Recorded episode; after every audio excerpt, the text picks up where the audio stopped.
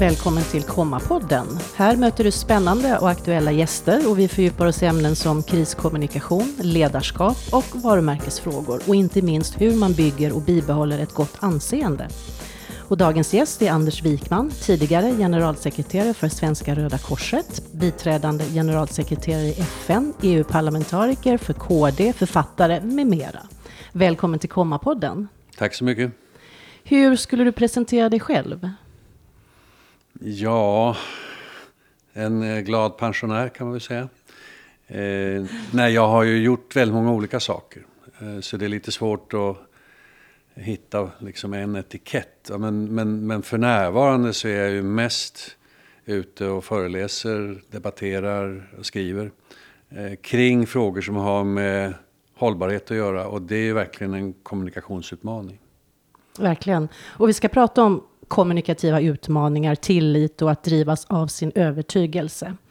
Och du är också aktuell med en bok där du är redaktör eller ordförande för processen. Och boken den heter En jord för alla, ett manifest för mänsklighetens överlevnad.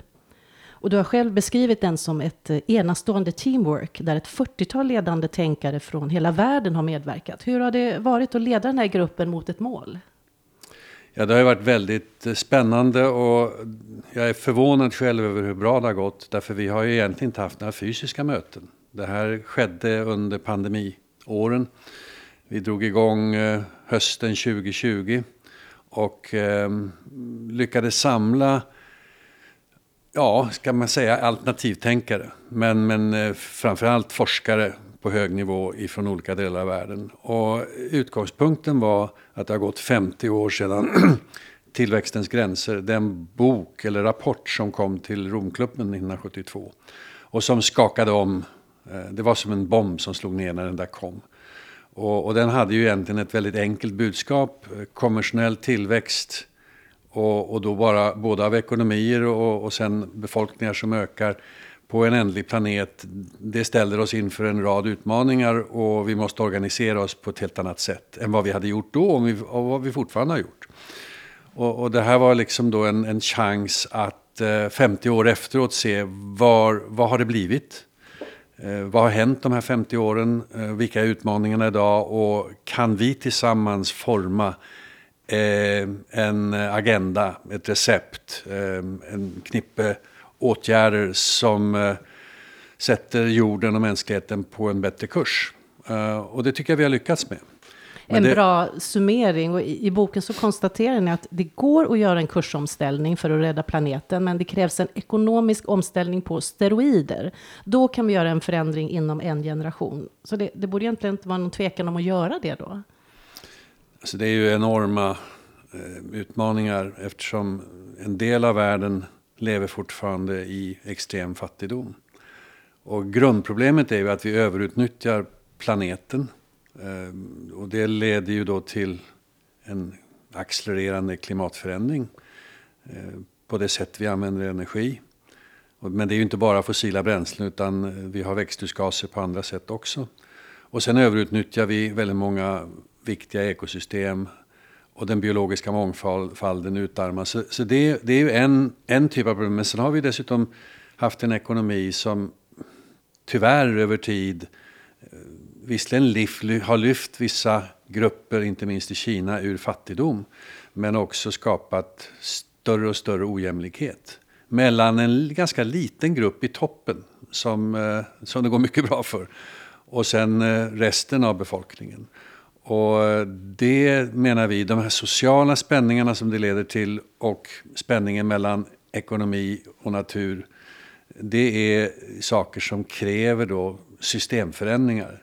Det är inte business as usual. Det, det, kräver att vi går in och faktiskt styr upp ekonomin på ett helt annat sätt. Marknaden klarar inte det. Om marknaden hade klarat det så skulle vi inte vara där vi är. Så, att, så att vi måste styra ekonomin på ett helt annat sätt, mot tydliga mål. Ja, du är inne på, på tillit som är ett centralt eh, tema i boken. Tillit till medmänniskor, samhället och systemet och att vi håller på att förlora och förstöra den. Hur kan vi bygga en tillit som håller? Ja, tillit eh, mellan människor och mellan människa och samhälle, det är, det är enormt viktiga saker. Eh, och vi har ju i vår del av världen, i de nordiska länderna, har vi ju vi har ju haft en, en väldig förmån så tillvida att tilliten både mellan människor och mellan människor och regering, myndigheter har varit väldigt, väldigt hög. Det håller på att naggas i kanten och i många länder så ser vi att det är väldigt dåligt tillit. Jag menar, titta på Storbritannien, titta på USA bara för att ta ett par exempel i vår del av världen. Eh, och jag tror att tillit bygger man ju delvis på att man inte har allt för stora skillnader. Det ska vara ett rättvist samhälle. Jag tror det är en, en huvudfråga. Och, och, där ser vi nu att vi, vi vidgar motsättningarna. Det kom för övrigt en artikel igår i Dagens Nyheter från tankesmedjan Katalys som visade att eh, 10-15 procent i, i vårt samhälle har halkat efter ganska kraftigt de sista 20-25 åren. Eh, så att det här, det här tror jag är kanske den viktigaste frågan. Men sen är det klart att det förutsätter ju, tillit förutsätter ju också att man har politiska ledare som talar sanning eh, och som också försöker genomföra det de har lovat. Eh, så det är en annan viktig bit av tilliten. Och, och de måste ju också kommunicera på ett sätt till människor så att de eh, förstår allvaret i utmaningarna och också är beredda att köpa de olika åtgärder som man föreslår. Ja, du är inne på det här att, att tala, tala sanning och vara transparent. Och hur hanterar du då som man säger, världsförbättrare meningsmotståndare eller bara motståndare när man möter personer eller grupper som eh, ägnar sig åt alternativa fakta? Vad är lösningen där? Jättesvårt. Och jag, jag, jag, har inget bra, jag har inget bra recept. Eh, jag tror att vi alla som försöker att förmedla en sann bild av verkligheten och framförallt av framtiden vi, vi, eh, vi, vi brottas med det här problemet. Att det är så mycket brus och att sociala medier är fulla av så mycket missinformation men också så mycket hat.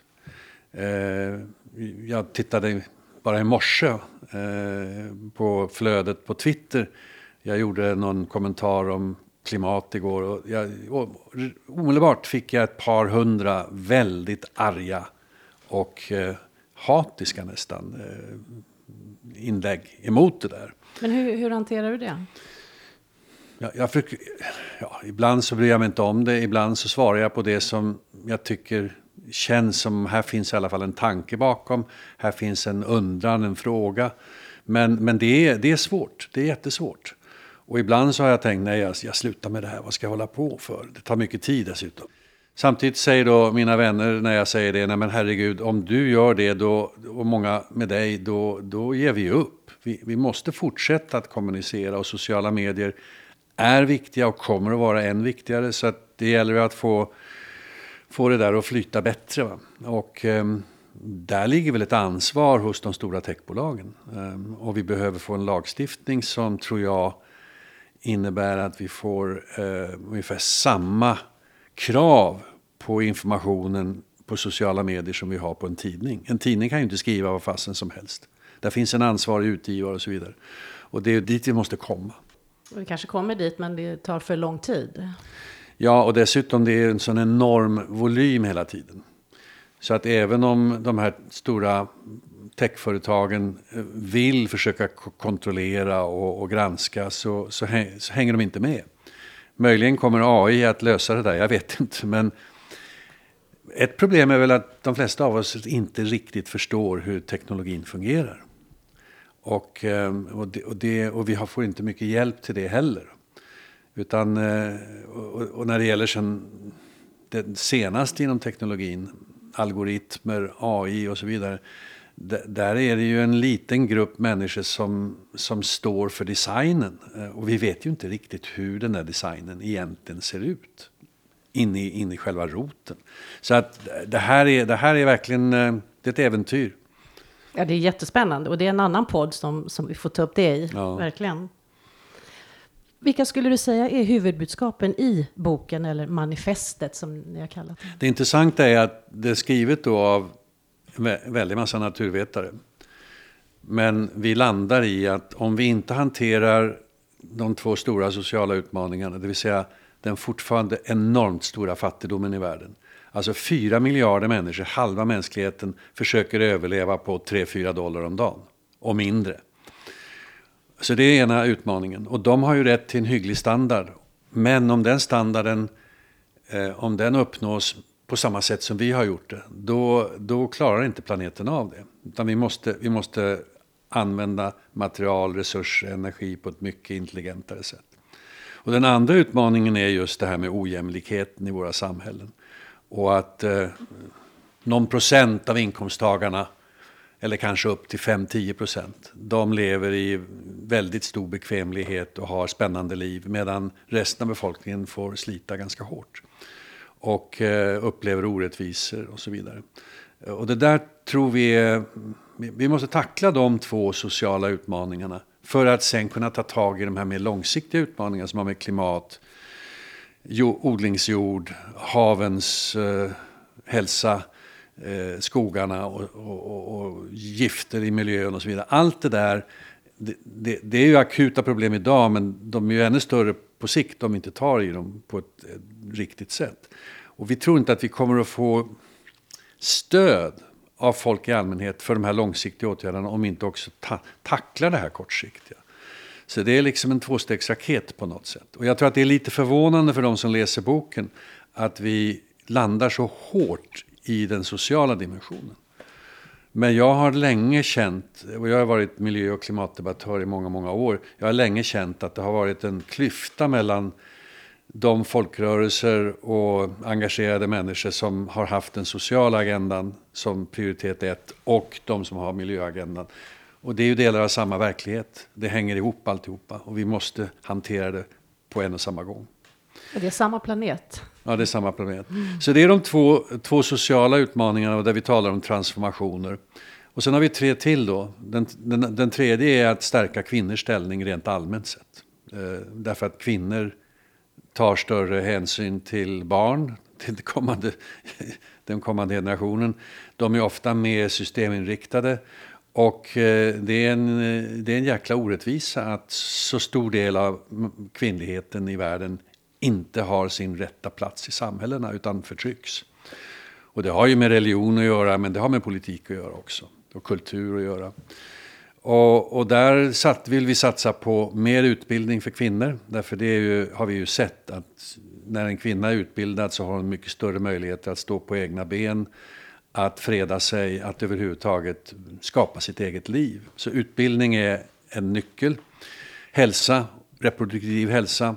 Det är ett par hundra miljoner människor, äh, eh, kvinnor idag som vill ha hjälp att begränsa äh, födslarna och inte får det. Äh, så det, det föds väldigt många barn som är oönskade idag, tyvärr. Och det skulle ju då också då leda till att vi planar ut mänskligheten snabbare. Vi är redan, tycker jag, för många på den här planeten för, för vad resurserna medger. Det fjärde är att göra om matproduktionen i grunden. Eh, industriella jordbruket har givit en väldig massa plus. Ökat matproduktionen enormt under eh, ett antal decennier och sett till att vi inte haft massvält på grund av brist på mat. Vi har ju haft svält på grund av brist på köpkraft, men det är en annan sak. Eh, men vi ser ju nu att jorden eroderas och eh, vi förgiftar vattendrag, övergödning och vi har alltså väldigt stora problem med det industriella jordbruket. Eh, och dessutom så läcker jordbruksmarken kol. Varenda gång vi sätter plogen i marken så frigör vi en massa koldioxid. Eh, så då är, har vi landat i någonting vi kallar för regenerativt jordbruk. Det finns ingen bra svensk eh, term för det, men det innebär att man stör ytlagret så lite som möjligt. Det vill säga man, man, plog, man plöjer egentligen inte. Low till eller no till som engelsmännen säger. Man har mer varierade växtföljder. Man försöker satsa på växter som har rotsystem, fleråriga växter. Ehm, och eh, på det sättet så bygger man kol i marken. Man får en mera bördig jord som håller vatten bättre. Kort sagt, det blir win-win-win. Så det där tror vi väldigt, väldigt mycket på. Det ser lite olika ut i olika delar av världen. I vissa delar av världen så är det redan väldigt mycket mullhalt i jordarna. I andra delar av världen är det inte det. Så det Men, men överallt kan man göra det här, den här processen. Och den femte då, det är att lägga om energisystemet. Eh, elektrifiera så mycket som möjligt, effektivisera, gå över till i första hand förnybar energi. Och då, där har vi ju haft en fantastisk nedgång i kostnad för sol och vind. Men, men det räcker ju inte med det, för det blåser inte jämnt och det, solen lyser inte jämnt. Så vi måste ju, måste ju balansera av det där. Eh, sen skulle jag ha velat haft en sjätte transformation som handlar om materiell konsumtion. Vi har det som en, kan man säga, cross-cutting issue, alltså en, en fråga som går på tvären. Ja, ni pratar om cirkularitet. Ja, exakt. Eh, men, men jag tror nästa bok ska nog bli enbart om materialanvändning, för det är den som driver alltihopa.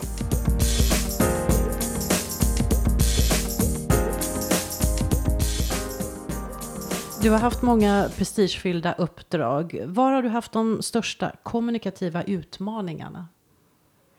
Ja, det är å ena sidan alltid när du har ett politiskt uppdrag. Eh, och jag har ju då varit både riksdagsman, det är länge sedan, 45 år sedan.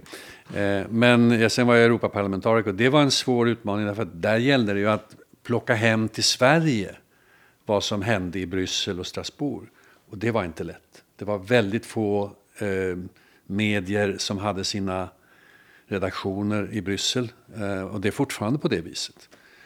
Jag kommer ihåg när Göteborgs-Posten de hade en, en, en redaktion där. Den, den slog de igen 2008-2009.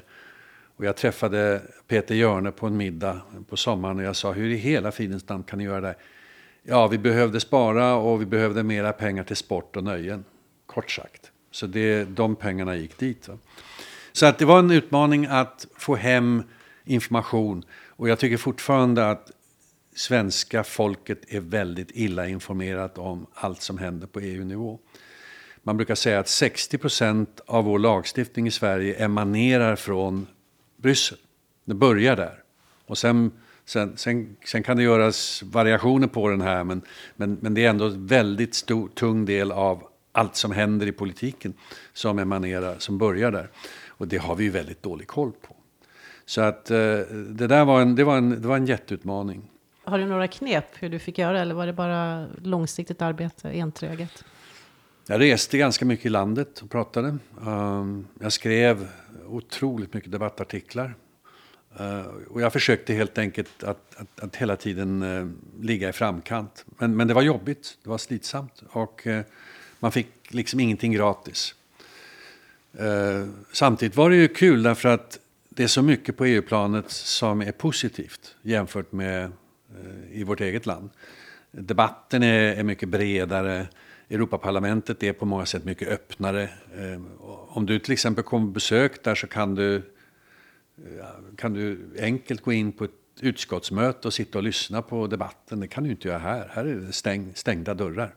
Så, att, så att det, det, det var samtidigt roligt att försöka öka kunskapen. Därför att det, det, var så mycket positivt att prata om. Sen var naturligtvis åren i, jag gjorde tio år av, av hårt arbete och väldigt spännande i, i Röda Korset. Eh, det var under 80-talet, det var fortfarande kalla kriget. Ehm, det var väldigt mycket kriser även då. Eh, svältkatastrof i Afrika, väldigt mycket jordbävningar. Vi hade efterbörden av hela Vietnamkriget i Kambodja. Vi hade inbördeskrig i Centralamerika, Angola, Mosambik och så vidare, Afrikas horn. Så det var, det var otroligt mycket kriser och krig. Och, och det, var, det var svårkommunicerat. Ehm, det var väldigt svårkommunicerat. Men, men fördelen med idag det var ju att eh, Sverige, vi hade två tv-kanaler. Vi hade Rapport och Aktuellt. Och lyckades man få med sig Aktuellt-redaktionen eller Rapport med på en resa ut i ett katastrofområde, då, då visste man nu, nu vet allmänheten vad det är frågan om och då ökade ju också intäkterna. Röda Korset är väldigt beroende av, av insamlingar. Och det var ofta svårt att beskriva eh, svårigheterna att nå fram med hjälpen. Du har sett nu i jordbävningen i Turkiet och Syrien att under 10-12 dagar i början så var ett av problemen, man kom inte in med hjälpen till de av Eh, inte vad ska vi säga, gerillan, motståndsrörelsen kontrollerade områdena. Därför att Assad, presidenten i Syrien, han satte upp gränser för det. Eller förbud för det. Så att, och det var likadant under det kalla kriget, att, att det var svårt ibland att överhuvudtaget komma till. Så att säga. Och det, det kan vara svårt att kommunicera. Hur gör man då? Man försöker berätta? Ja, man försöker, man försöker berätta varför man inte kan göra mer. Och, och sen hoppas man på att det ska komma ett tryck. Eh, och det är klart att när, när tillräckligt många människor ser att hjälpen inte kommer in i, nu, idag då i Syrien så, så blir det förhoppningsvis ett tryck på, på de politiska ledare som sätter sig på tvären. Men det hela är ju egentligen absurt. Eh, att även i de allra svåraste katastrofsituationer så är det politik som sätter käppar i hjulen. Det, det, det, är, liksom, det är helt oacceptabelt. Ja, du frågade om utmaningar under Röda korstiden.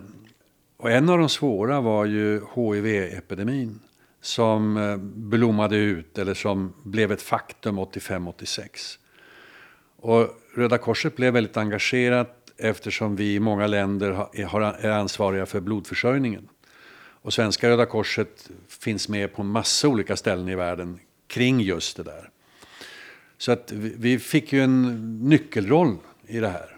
Och eh, det var svårt att kommunicera. Och jag kommer ihåg att jag åkte runt i Sverige och kommunicerade. Jag skrev en bok som hette Aids i verkligheten där vi försökte visa att det var inte så att smittan den, den, den fördes vidare med luften utan det var kroppsvätskorna och det var något helt annat. För det fanns ju starka krafter i Sverige. Jag kommer ihåg det var en läkare som hette Koch som bodde någonstans i i Västergötland, han, han, skrev debattartiklar och sa att vi behöver internera alla som är smittade i speciella interneringsläger och så vidare. Så det var, det var innan, innan vi hade klart för oss exakt hur smittvägarna såg ut och hur farligt det här var, så var det väldigt mycket katastrof diskussioner. Liksom. Det var... Ja, jag minns det. Det var under lång tid och väldigt kraftigt och en beröringsskräck. Ja, och sen var ju då homosexuella var ju i, särskilt i blickpunkten därför det var där smittan spreds snabbast. Och varför spreds den snabbast där? Jo, det är så enkelt så att slemhinnan i analen är, är tunnare. Så att det var, det var lättare att sprida smitta den vägen. Och bara det gjorde ju att det blev en väldigt, ja, det blev ingen bra debatt. Så jag var väldigt eh, glad och nöjd när vi då tillsammans med ett gäng läkare kunde starta Noaks ark. Där Röda Korset gick in från början och stöttade. Och, och, och det var ju då en, en, en, organisation som i första hand skulle hjälpa de smittade. Och det, var, det blev ju i början nästan bara homosexuella män. Så småningom breddades det. Så det blev en röst som kunde prata för och om det? Ja, och det var det faktum att Röda Korset, som ju ändå såg som en ganska borgerlig och lite försiktig organisation, att vi så klart tog ställning för, för bögarna kan man säga. Det, det, det tror jag betydde mycket. Och Kristina Magnusson var vice ordförande och det var hon och jag som drev fram det där. Det, Men hur lyckades ni driva igenom just de här satsningarna på prevention? Och... Det var, jag lämnade liksom aldrig någon tvekan. Det var inte så att jag ställde frågan till styrelsen, ska vi göra det här? Utan jag utgick ifrån att de var med. Så vi, vi tog en massa initiativ utan att egentligen ha förankrat varje detalj. Och det, det, gick, det gick av bara farten. Ehm, och jag tror att man ibland som ledare måste man göra så. När, när det är någonting riktigt, riktigt svårt och kanske lite kontroversiellt. Om man inuti sig känner att det här måste vi göra, ja då, då är det bara att satsa. Och sen kanske man får smäll på fingrarna och då får man avgå. Men, men ibland, får man, ibland måste man ta risker. Och jag tog lite risk där. Har du någon gång tvekat i din övertygelse? Under nej, åren? Nej, det har jag nog inte. Nej, det har jag inte. Alltså, det humanitära engagemanget, det utvecklades ju under åren i Röda Korset. Det är ju en sak att läsa om katastrofer. En annan sak att se det på bild. En tredje sak är att, att vara i det. Och då kan man liksom aldrig ducka igen. Och har man jobbat mycket med flyktingar som jag har gjort så, så, så, blir, så blir det ju fullständigt självklart att man även om, om vi har tagit emot många så kan vi inte behandla dem annat än på bästa sätt. Den debatt vi har nu i Sverige att vi ska försöka få folk att återvända, eh, att vi ska vara så lite generösa som möjligt så att vi inte attraherar nya flyktingar. Jag tycker den är förfärlig. Eh, faktiskt helt enkelt förfärlig. Och, eh, Men du är ute i den debatten också? Ja. Ja, så gott jag kan. Eh, jag har engagerat mig framförallt för ensamkommande afghanistaner. Det var ju 25-30 000 unga pojkar som kom hit 2015. Man kan alltid diskutera varför de kom till Sverige, eh, varför stannar de inte i andra länder, men de kom till Sverige. Och väldigt många kom också till Tyskland och till Frankrike. Eh, och nu har de varit här i sju och ett halvt år. Och många lever fortfarande i limbo. De, de vet inte om de kommer få stanna. De, ska, de flesta ska ut för de har fått avslag. Och nu på grund av talibanernas nya styre så, så har de fått en chans att söka igen. Men Migrationsverket ger avslag på löpande band. Inte till kvinnor, men till män. Och de, de, de får budskapet att ja, men det, det, det blir inga problem för dig att anpassa dig till, till det nya livet i Afghanistan. Det är klart det blir. Är man västerniserad efter 7-8 år så inte 17 är det lätt att, att plötsligt gå in i sharia-lagar i Afghanistan. Så att, ja, men ha, så, så det, där, det, där är, det där är väldigt viktigt att har man en gång övertygats och sett eh, vad det är frågan om eh, i varje enskilt människoöde, då, då, går det inte att stoppa undan det. Och det är på samma sätt med spänningen mellan ekonomi och natur. Har man en gång förstått den och att business as usual, att bara fortsätta den här typen av tillväxtekonomi som, som, som föds av mer energi och resurser hela tiden jag, jag, det går inte att, jag skulle inte kunna ta ett jobb där inte det var en del av agendan. Det går inte. Jag var erbjuden jobb på 80-talet, ledande jobb i, i, i, näringslivet. Men jag sa nej till dem därför jag insåg att jag kommer inte kunna funka i den rollen. För jag kommer inte kunna satsa på att maximera vinst och, och, och avkastning på en affärsmodell som jag delvis inte gillar. Utan, utan jag måste hålla på med förändring. Det, det, det, det fanns inget val. Och Sverige har ju ordförandeskapet i EU nu. Vad tror du blir det främsta avtrycket eller det bestående som Sverige genomför? Ja, väldigt... Eh, jag går med lite grann med andan i halsen för att se vad, vad det här halvåret kommer att innebära. Det var lite olyckligt tycker jag att Sverige fick ordförandeskapet. Det roterar ju mellan EU-länderna. Att vi fick det så kort efter ett val. För vare sig den gamla regeringen eller den nya regeringen hade ju riktigt möjlighet att förbereda sig. Så, så, så det, här, det här var ett handikapp rent generellt. Men sen har ju då eh, den nya regeringen med Tidöavtalet eh, committat sig till, eh, lovat saker som ju går delvis på tvärs mot den EU-politik som förs. Eh, så det kommer inte bli enkelt. Eh, men eh, Ja, vi har inte sett någonting ännu. De stora besluten har inte fattats. Och en del av de här processerna där man förhandlar olika lagstiftningsförslag, de tar ju ibland mer än ett halvår, de kan ta ett år. Så att en del blir kanske inte allt som nu är på bordet blir inte klart under det här halvåret.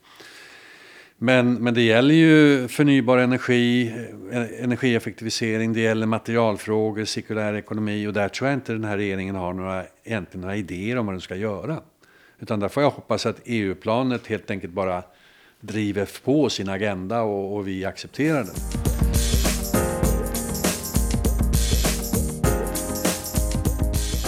Dagens gäst i Komma-podden är Anders Wikman.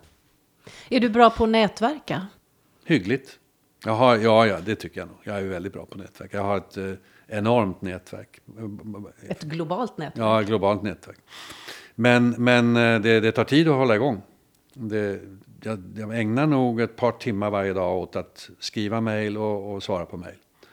Och naturligtvis också att eh, kolla av alla rapporter som jag eh, får kopior på. Det, och det tar ju en, också en väldig tid. Så, så, och, det, och, det, produceras ju mer och mer hela tiden. Och det blir fler och fler forskare. Så det, och vi får inte mer och mer tid. Nej, nej, det är problemet. Snarare tvärtom. Så den här eh, ChatGPT nya mekanismen. Den, den låter på sätt och vis väldigt spännande det här att man kan ställa en fråga. Var, var så vänlig att sammanfatta på två sidor ett problem. Eh, det, det, det, är spännande samtidigt som det naturligtvis innehåller en hel del frågetecken. Har du testat det? Jag var med och testade och det, var, det blev väldigt bra. Det blev väldigt bra. Men, men eh, jag har också hört de som har testat på lite större frågeställningar och där, där blev det inte riktigt lika bra. Men, jag tror, men det är klart att det blir problem för universitet och högskolor och, och läroanstalter om, om plötsligt eleverna inte behöver lära sig någonting. Jag tänkte på ett eh, aktuellt ämne, sport. Där är det ju många tidigare politiker som har gått i sportfällan eller sportfållan beroende på hur man ser det då och fått poster som ordförande eller andra ledande roller inom olika förbund. Har du någon gång fått ett erbjudande om en roll inom sportvärlden? Jo, men jag var ordförande i basketförbundet mellan 1975 och 79. Ja. Hur var det? Jo, det var spännande. Jag lärde mig enormt mycket om idrottens faktiskt sociala betydelse. Eh, och basketen hade en väldig framgång på 70-talet. Tack vare dig? Nej, inte alls. Eh, man, man plockade in hit, eller importerade som det hette, ett antal eh, långa svarta amerikaner som populariserade sporten. Eh, det var framförallt Alvik som gjorde, laget i Stockholm. Det var en kille som hette Egon Håkansson och så fick de problem. Han var väldigt drivande, reklamman. Så fick de problem i förbundet, eh, det blev tvister och så vidare. Och då skulle de ha någon neutral person och då plötsligt kom han cyklande förbi mig. Vi bodde nära varandra i Bromma och så sa han, kan inte du hjälpa oss ett tag här? Ja, och jag gick in då och gjorde det. Um, och det, ja, vi, jag tror att vi stagade upp och, och, fick förbundet att funka bättre. Men det var bara fyra år. Och jag kan inte säga att uh, det var inte, det var, det, jag gjorde nog inte så mycket nytta. Är du, Lite grann kanske. Är du intresserad av någon sport? Ja, oh ja. Spelar, har spelat mycket tennis. Jag åker väldigt mycket längdåkning, skidor. Jo då, jag tycker, jag tycker mycket om sport. Mm. Och nu har jag blivit eh, skidskyttefan också. Det måste man ju bli. Vem har inte blivit det? Oerhört spännande och dramatiskt. Lite för kom... spännande för nerverna tycker jag. Ja, jag kommer ihåg när jag gjorde lumpen uppe i Boden på 60-talet. Då, då var ju, fanns ju den där sporten, men det var ju en militärsport i första hand. Och då åkte de ju omkring i vita, rock, alltså vita anoracker och så hade de eh, Kamouflage. geväret på, på, på, på ryggen. Så det var ju något annat. Det är alltid intressant att höra vad folk gör på fritiden. Men jag har förstått att du har ingen fritid, utan det är någonting som du längtar efter. Ja, men jag tar nog mer och mer fritid, det gör det. Eh, men, men jag tycker så här, om, om det man sysslar med i vardagen är väldigt spännande, utmanande, eh, då är det, då är det inget problem att eh, jobba med det också på fritiden. Kanske men, för omgivningen, men, men, min, min familj hade nog gärna sett att jag hade, hade lagt undan datorn mer, absolut. Ja. Och vad skulle du vilja göra mer? Nej men alltså kultur i olika former, nat- kultur och natur skulle jag säga. Uh, spendera mer tid i naturen och uh, läsa mer böcker, gå mer på konsert och teater. För det är väldigt berikande. Det är väldigt berikande. Varje gång jag gör det så säger jag, men herregud, jag skulle göra det oftare. Så det, det håller jag med om. Det håller jag med om. Vad är ditt nästa projekt? Jag tror vi ska skriva en ny bok, en uppföljare till den här En jord för alla, som handlar mer specifikt om materialkonsumtion. Ska inte den här få landa först? Jo, men det tar ju något år innan en ny bok är färdig. Så det är lika bra att sätta igång. Tack så mycket för att du gästade Komma-podden, Anders Wikman, författare och samhällsdebattör och tidigare bland annat generalsekreterare för Svenska Röda Korset. Tack. Och jag som är programledare heter Merja Metel Suomalainen och du kan lyssna på alla avsnitt av Komma-podden direkt på Kommas hemsida eller där du vanligtvis hittar poddar.